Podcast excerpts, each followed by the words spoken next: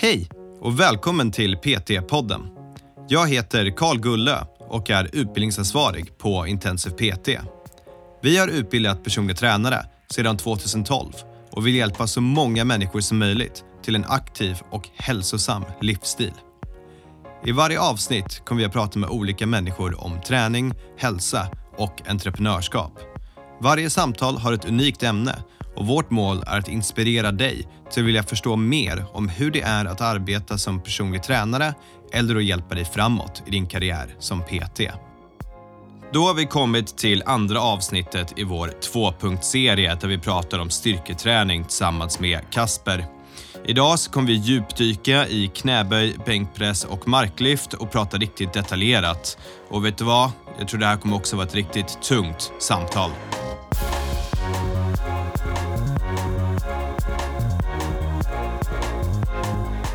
Att man rycker igång någonting kommer förmodligen inte generera så mycket kraft som att spänna någonting. Eh, jag brukar ha också lite som tumregel att när du går fram till stången, tänk dig som en pilbågen. Den är som mest spänd när den är utdragen. Ja du, där var Kasper igen som pratade om styrketräning. Det här är det andra avsnittet i vår styrketräningsserie.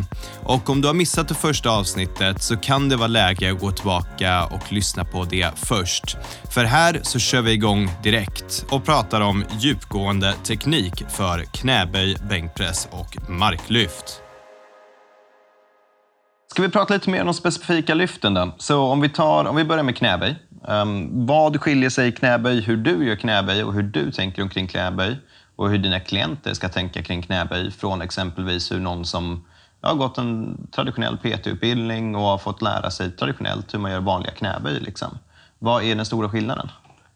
Största skillnaden egentligen är att många av mina klienter kommer och liksom vill bli styrkelyftare. De vill förflytta så mycket vikt som möjligt och optimera så mycket som möjligt. Så via en PT-utbildning så kanske man vill gå från skolboken, så här ska en knäböj göras. Däremot när en klient kommer och vill förflytta så mycket vikt som möjligt så måste vi kolla på dens teknik, hur den ska göra för att förflytta så mycket vikt som möjligt. Så liksom, likadant där, är det en high bar eller är det en low bar personen ska köra? Um, har en stelhet i höften, stela fotleder, uh, kommer höften snabbt, kommer höften efter? Måste se hur personen reagerar och liksom vad den vill komma med det. Så den största skillnaden i sig är väl egentligen likadant som vi pratade om innan, målet. Så om du blundar nu en sekund och så tänker du eh, förklara vad du ser när du ser ett, enligt dig, perfekt knäböj. Eh, vad är det du ser som händer samtidigt? Liksom? Vad är det man ska sträva efter? Jobba med hela kedjan. Fotled, knäled, höftled. Tryck från hela kroppen och spänning. Och det blir de punkterna, inte nödvändigtvis att man ska stå precis axelbrett eller tårna ut eller liksom allt sånt där, utan det där är basen. Jajamän, det är basen i min mening. Ja. Skiljer sig din mening mycket från andras tror jag? Det tror jag faktiskt. Det är, mm, alla har ju sina principer, hur de kör, vad som har passat dem. Och liksom, mm, det är likadant tillbaka där igen. Många vill gå efter den där skolboken. Liksom, de mm, har inte testat sig fram vart är optimalast för dem. Om vi tar in på min egna knäböj.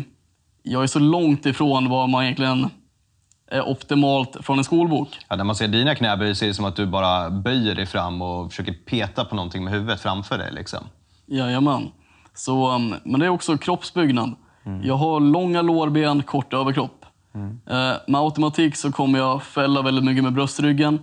Det är ingen vacker knäböj. men det är en optimal knäböj för min stil av kropp. Kan du inte berätta om det här med kroppstyp då? Hur det påverkar? Om man har långa lårben och sådana saker. Ehm, generellt hur man ska tänka omkring det. För just knäböj specifikt. Vi säger så här. Har du korta lårben, knäböj kommer kännas ganska naturligt för dig. Det blir inte så lång lyftväg. Däremot om du har långa lårben, det kommer kännas lite knackigt. Du kommer få jobba lite mer på det och det kommer inte kännas så naturligt från första början. Där kanske du kommer få bråka lite mer och ställa dig bredare, ställa dig smalare. Just hitta där du kommer ner i djupet, där du är stabil i hela kroppen och hamnar hela tiden i centrum av kroppen. För det egentligen viktigaste är i knäböjen, det är att hitta centrum. För du är alltid starkast i centrum av kroppen än utanför åt något håll. Om man är en lång person kontra en kort person, kommer det påverka? kommer absolut påverka.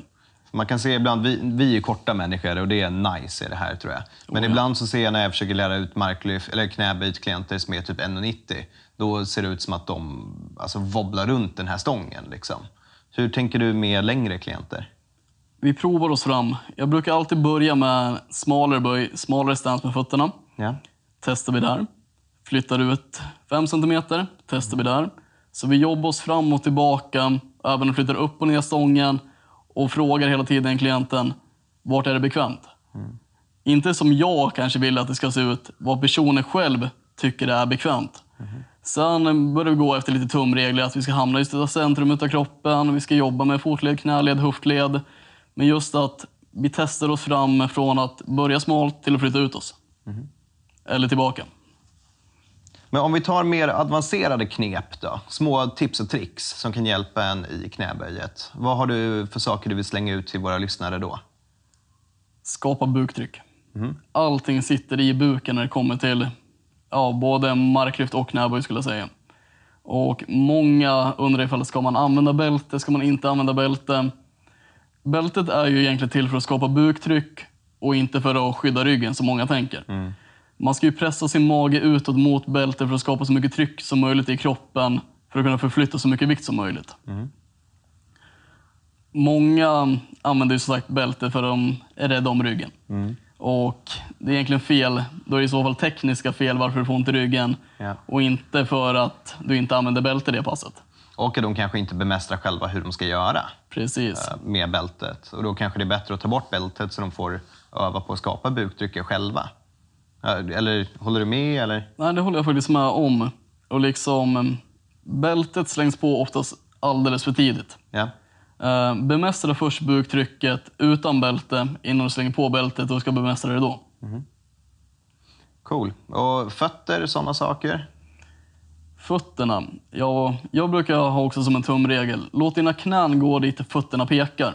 Har du dina fötter rätt på, låt dina knän gå rätt på. Eh, pekar dina fötter lätt utåt, låt dina knän gå rätt utåt. Men det viktigaste egentligen är med foten är att du mm, pressar från hela foten. För då hamnar vi igen i centrum som vi pratade om tidigare. Pressa från hälen och mitten av foten, för då kommer det mycket lättare att ställa dig upp. Och knäna inåt? Att knäna faller inåt är väl egentligen aldrig en positiv sak. Att det heter knäböj är ju speciellt när det är egentligen höften som jobbar mest. Man ska egentligen i grundtanken öppna höften när man kör. Och för då kommer du kunna trycka ifrån mycket mer muskler, det är mycket lättare att hitta buktrycket, få magen emellan benen istället för att slå emot. Så pressa från hela foten, låt knäna spela mer utåt än inåt. I alla fall min grundtanke. Jag tycker det är vettigt. Och jag vet att när jag blir trött, då, det blir så när du har en belastning på kroppen, om jag sätter 150 kilo på axlarna, då vill ju min kropp här automatik komprimera ihop. Den vill ju tryckas ihop under den här vikten. Och det är ens default-inställning. Liksom. Det jag vill göra är ju tvärtom. Jag vill öppna upp och göra mig så stor som möjligt kontra den här vikten. Så då blir det att liksom tänka på att försöka pressa ut knäna, trycka upp över kroppen eh, och jobba emot den här belastningen som försöker göra en mindre. Um, Okej, men då, det här är jättebra, för nu har vi massa tips om hur man ska göra. Och en, grund, eller en grej som går väl igenom allt det här är att det är individuellt. Vad ska man inte göra? Jag tycker inte man ska kolla alldeles för mycket på Youtube. eh, kolla på hur andra killar lyfter på gymmet, eller tjejer. Att man eh, hittar sin egna stil. Det är det många gör fel. De tittar på den där killen på gymmet, han böjer 300 kilo. Ehm, de ser hur han gör. Ja, Sen ska de testa på det själva. ja, Och det blir fel. Eller de skadar sig. För den där killen som lyfter 300 kilo, han är hur stark som helst, han kan ha optimal teknik, men han har optimal teknik för sig själv. De har inte hittat sin egna setup, sin eh, egna stil i det hela. Så um, egentligen gå till någon som du litar på och tycker är kunnig, så de kan hjälpa dig att hitta din stil. Coolt. Och man ska filma sig själv eller? Ja, filma är alltid bra. Eh, våga filma, ta fram telefonen. Be någon filma eller be någon som är kunnig titta. För då kan man alltid gå tillbaka och titta hur det såg ut. Och vad ska man titta efter om man kollar på sin egna film? man, ofta ska man ju se med ögat om man har haft koll lite på andra kört knäböj och grejer. Vad som är mer eller mindre rätt eller fel. Men titta så att du trycker från hela foten. Titta att du hittar centrum av kroppen. Att du prickar djupet. Att inte höften kommer fort. Alltså mm, enkla saker egentligen som vi har lärt oss hur en knäböj ska gå till. Sen kan du ju alltid kolla liksom vad, eh, vad som kändes bra. Du körde ett set, det kändes jättebra. Och du filmade det. Du körde till set, det kändes mindre bra. Så kollar du tillbaks, vad gjorde du för skillnad mellan de två seten? Eh, det första setet, där såg du, det hamnar i centrum av kroppen. Det lutar inte så mycket framåt. Set nummer två, nej, du kanske tryckte lite mycket från hälen. Du höll på att falla bakåt. Börja efterlikna set ett mer. Så jämför.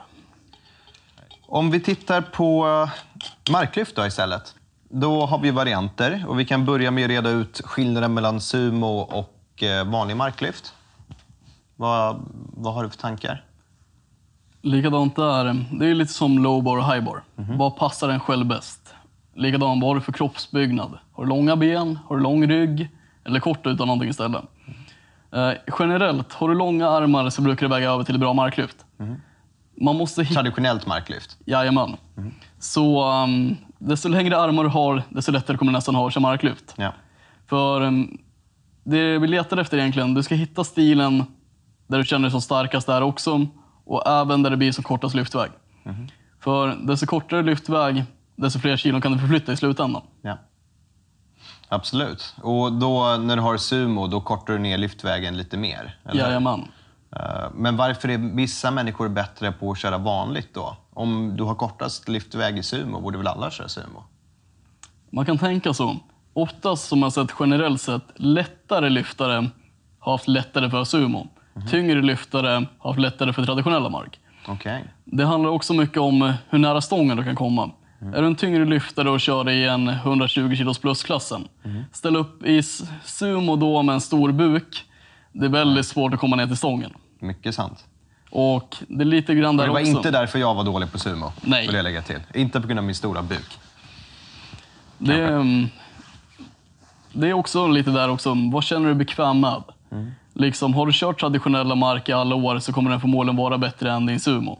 Till en början i alla fall. Sen eh, mekaniskt sett, vad har du lättast att lyfta?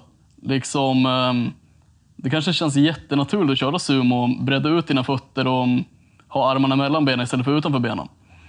Å andra sidan så kan det kännas pannkaka och allting känns fel.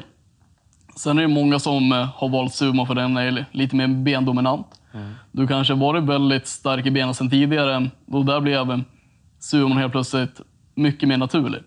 För eh, din rygg var din svaga länk. Så sumon är mer bendominant än vanlig traditionell mark. Det skulle jag säga.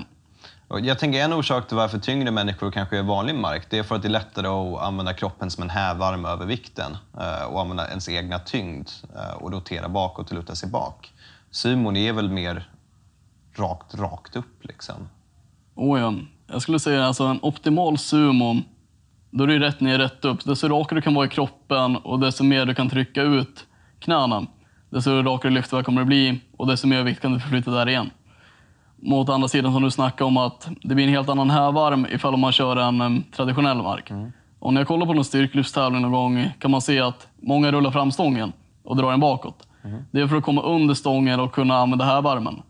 Det har lite ett roligt namn, tjockisrullning. Och det Jag säger, jag hade rätt! Buken. Jajamän. Och Inte det, av erfarenhet.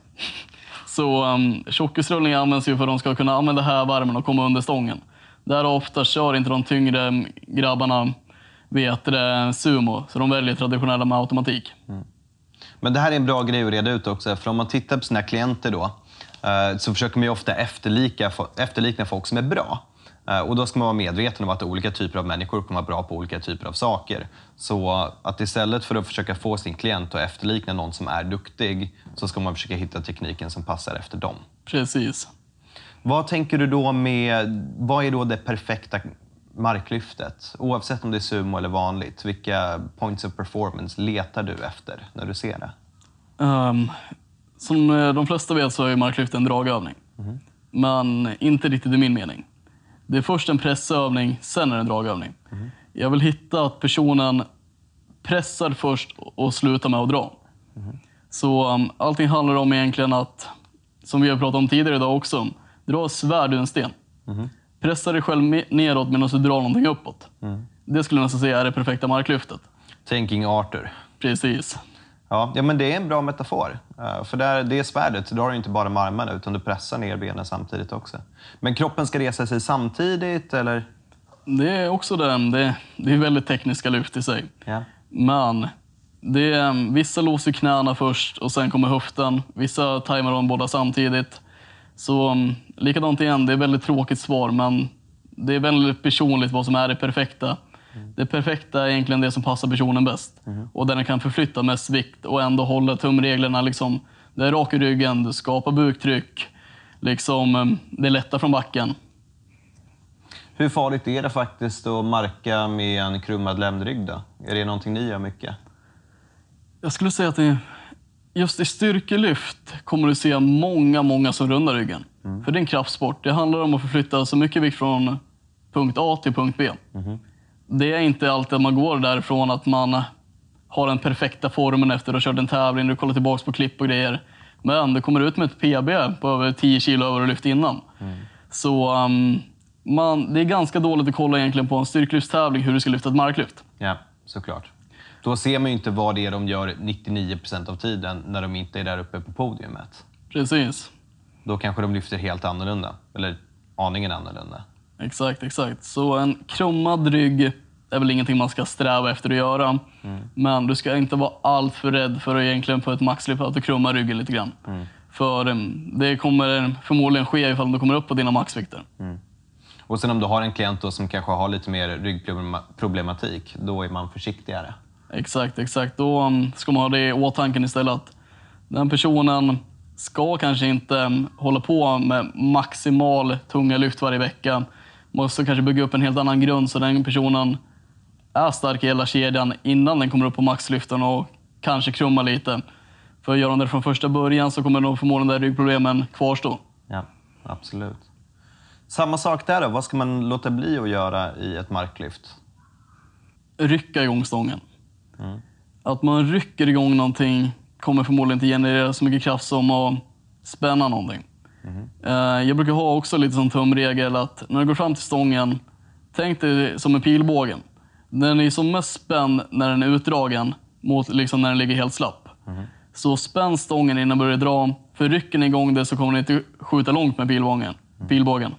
Mm. Men däremot är den spänd så kommer du skjuta mycket längre. Så um, ryck inte i stången. Kolla inte vad andra gör. Utgå från en rak rygg och skapa buktryck. Och tänk inte allt för mycket heller. Så liksom, du måste lita på dig själv och bara tänka vad du har lärt under tiden när du har tränat marklyft. Och om man inte har någon kunskap alls, om man lyssnar på det här och tänker fan jag vill lära mig marklyft. Alltså, gå till någon som kan det och börja och lära dig så kanske. Det, det håller jag med om. Hitta en person som verkligen kan hjälpa dig och hitta din egna teknik. Exakt. Eh, Och sen ska väl stången vara nära kroppen hela tiden, tänker jag. Finns det någon, något tillfälle där det är okej att stången kommer ifrån kroppen i ett marklyft?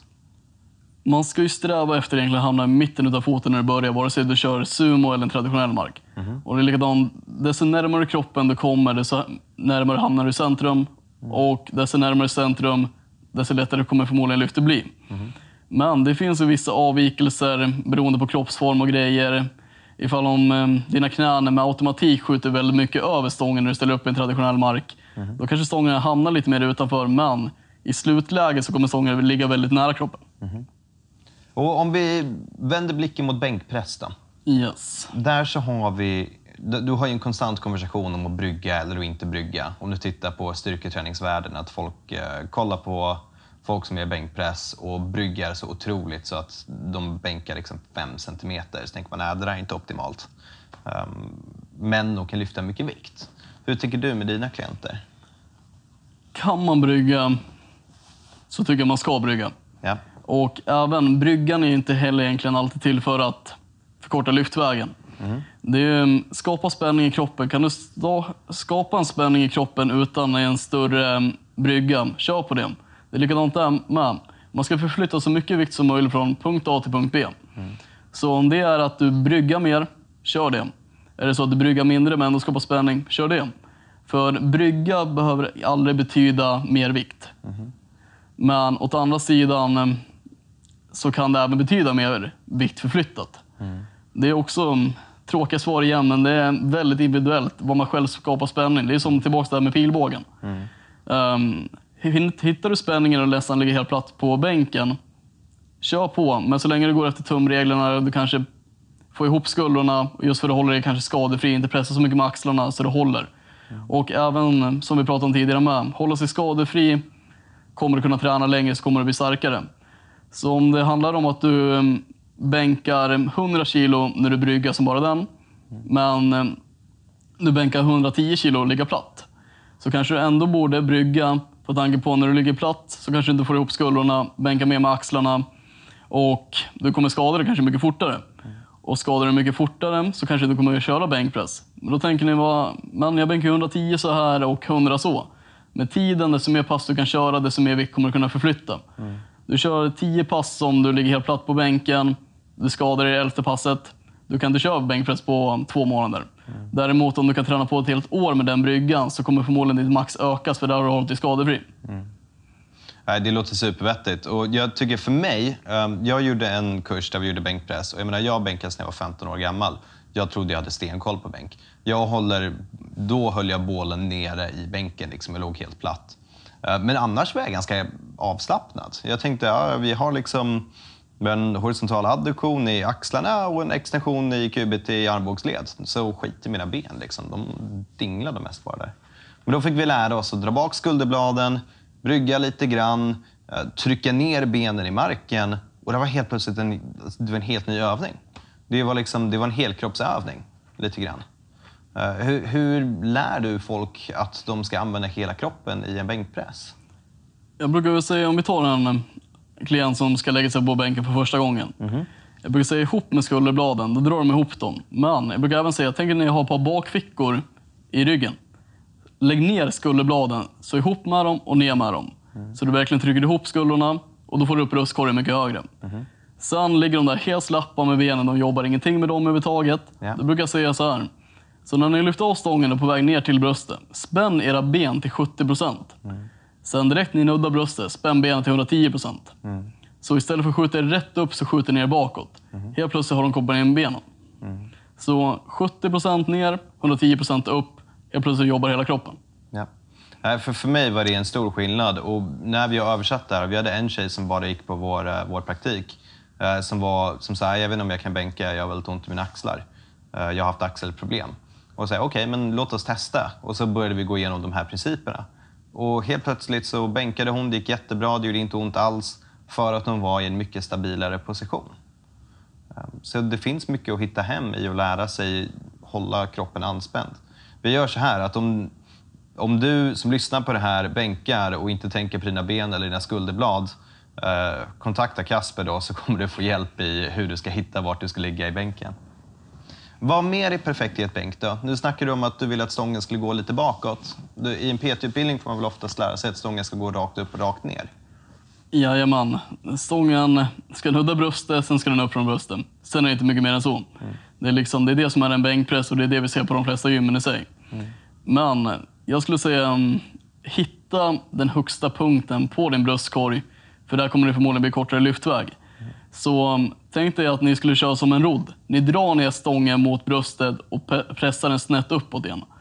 För eh, då kommer ni hitta mycket starkare lägre så ni kommer koppla in brösten från botten och sen kickar ni in triceps i slutet. Så, eh, men även liksom bara en sån grej som att vinkla armbågarna lite mer in mot kroppen kommer generera mycket mer kraft från botten än att ni flänger med armbågarna hejvilt. Så dra ner stången och pressa den snett uppåt brukar vara generellt sett ganska bra att gå efter. En annan viktig punkt i bänkpressen är ju andningen. I och med att nu har du en skivstång som kommer ner och träffar bröstet, så om du inte har andats någonting kommer det ha en stor påverkan. Hur ska man tänka med andningen i bänkpressen? Det är ju ganska svårt att skapa ett buktryck i bänken som det är som i en, ett marklyft eller en knäböj. Ni känner ju förmodligen ifall ni backar ut en knäböj och liksom inte har någon luft i bålen, ni känner er slappa. Eh, likadant i marklyft, ska börja dra från backen. Det är ingenting som trycker ifrån, ni skapar inget buktryck. Men däremot i bänkpressen, där ligger ni förmodligen ja, platt på en bänk och liksom, eh, buken involveras inte så mycket. Men där vill vi ha upp så mycket luft som möjligt i lungorna. Ni ska få upp, ni ska känna er stolta. Ni ska få upp bröstkorgen. Jag skulle säga andningen är en stor del av bänken på grund av liksom att ni finner en spänning i hela bröstkorgen istället för buken. Så um, alltid när ni lyfter av stången, skulle säga att så djupt andetag ni bara kan. Så ni hittar spänningen i kroppen, ni hittar spänningen i benen, ni känner er stabila på bänken. Det kan ni testa hemma också nästa gång ni kör ett pass. Kör en repetition där ni inte andas, kör en repetition där ni andas. Så ett djupt andetag in, träffa bröstet och sen ut med luften när ni pressar uppåt. För det känns som att man får en litet tryck och en liten boost utav att trycka ut luften när man haft så mycket luft i kroppen sedan innan. Ska man explodera som att du blir slagen i magen och bara pff, skjuter ut all luft på en gång? Eller ska man liksom pysa ut luften som en ballong? Testa er fram. Ja, såklart. Jajamän, testa er fram. Jag har ju testat liksom att jag har hållit andetagen på 10 reps. Visst, man ligger där och känner sig blå. Men jag har även testat att ha ett nytt andetag för varje repetition. Hittar den ni fortfarande har kvar spänningen. Uh, kör jag högrepetitioner, då brukar jag faktiskt gilla att hålla andan. Men däremot ska jag köra en max 3 ja, då måste jag ta ny luft för varje rep. För de, då blir det helt annorlunda med tekniken annars. Jag har svimmat en gång när jag bänkat. Det var riktigt illa. Jag hade blandat Red Bull och PVO. Eh, och så skulle jag ta ett PR och så skulle jag träffa en annan kille på gymmet. Skulle vi köra. Så dök inte han upp eh, och det var ingen annan där. Så tänkte jag, hur illa kan det här gå? Vad fan, jag vill ändå maxa trots att jag är själv. Um, och då, um, då körde jag och jag lastade på skivstången. Jag kollade YouTube, Epic Bench Press Fails. Så tänkte jag, okej, okay, så där illa kommer det inte gå för mig. Jag kommer ju klara repen. Uh, ehm, jag la mig ner, jag rackade av stången, jag hade den framför mig och så började jag komma ner i bänken och sen blir allting svart.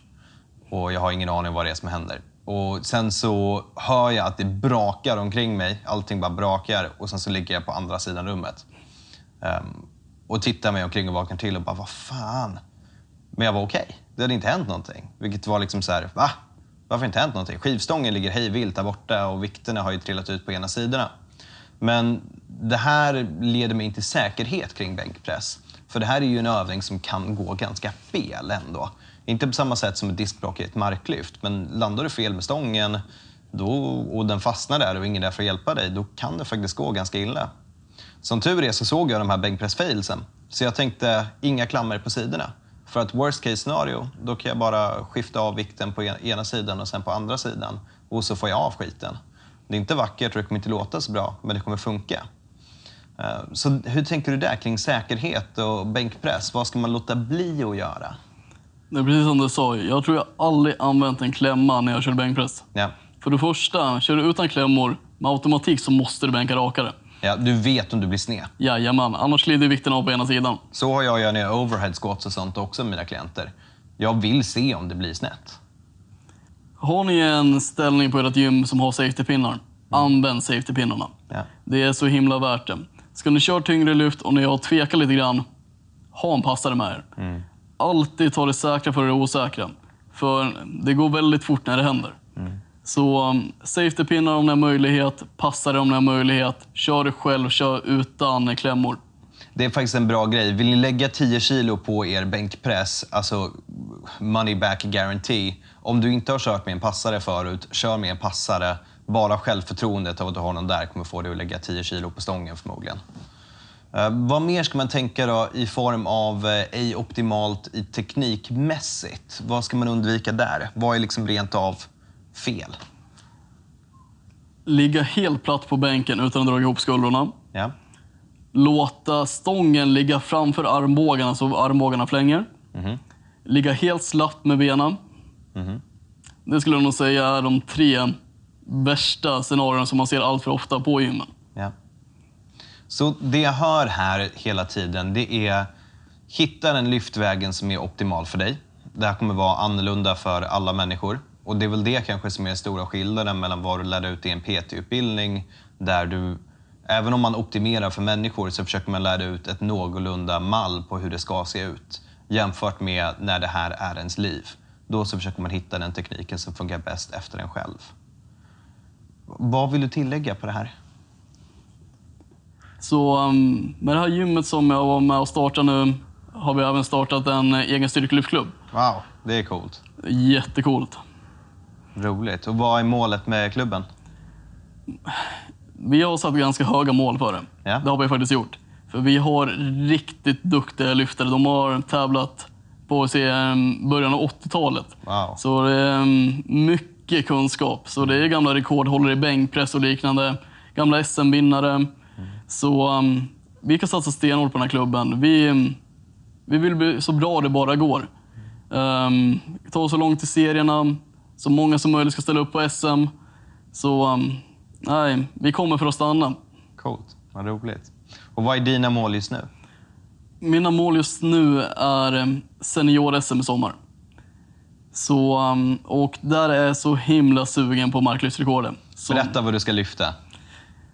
allting över 240 Ja. ska jag lyfta. Ja. Så um, 240,5 är jag nöjd med. Allting utöver det är jag jättenöjd med. Och varför det? Varför just den siffran? Rekordet ligger på idag 240.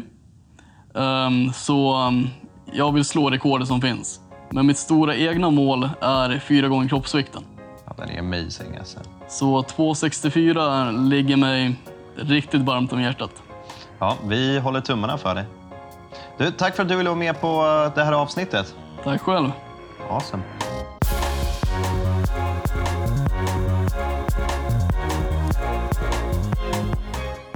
Ja, som vanligt hörni så har jag mina lärdomar av det här avsnittet. Det första som står ut för mig det är att om vi ska lära ut de här övningarna till en klient som inte kan dem innan så kan det vara en bra idé att isolera en övning. Till exempel att börja med knäböj, jobba på den i några veckor tills den sitter och sen börja med bänkpress. Men när man gör den tekniken, glöm inte bort de knäböjen utan ta den nya övningen två gånger i veckan och ta den gamla övningen en gång i veckan tills man har byggt upp nog med förståelse för att kunna göra det i ens sömn. Sen har vi även att vi ska utveckla våra program för klienterna, men sättet vi utvecklar dem på måste inte alltid vara en linjär progression där allting blir tyngre och tyngre.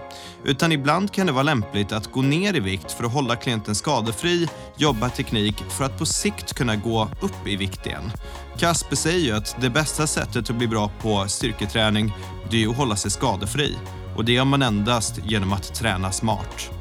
Men sen så har vi den sista grejen och det är väl den största. Att all teknik man gör i de här lyften ska vara individanpassad för en själv.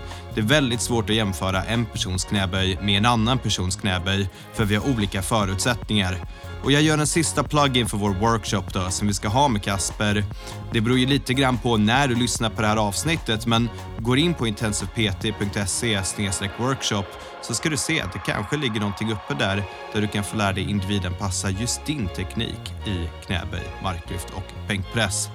Annars hörni så tackar jag för idag. Det här har varit ett jättespännande avsnitt. Glöm inte att göra sin en review på iTunes så att mer människor kan höra vår podd. Och eh, ja, tack för idag. PT-podden är producerad av Intensiv PT. Om du vill veta mer om våra utbildningar och gå med i nätverket av framtidens personliga tränare, gå in på www.intensivpt.se. Vi har kursstarter varje månad och du kan studera helt i ditt egna tempo.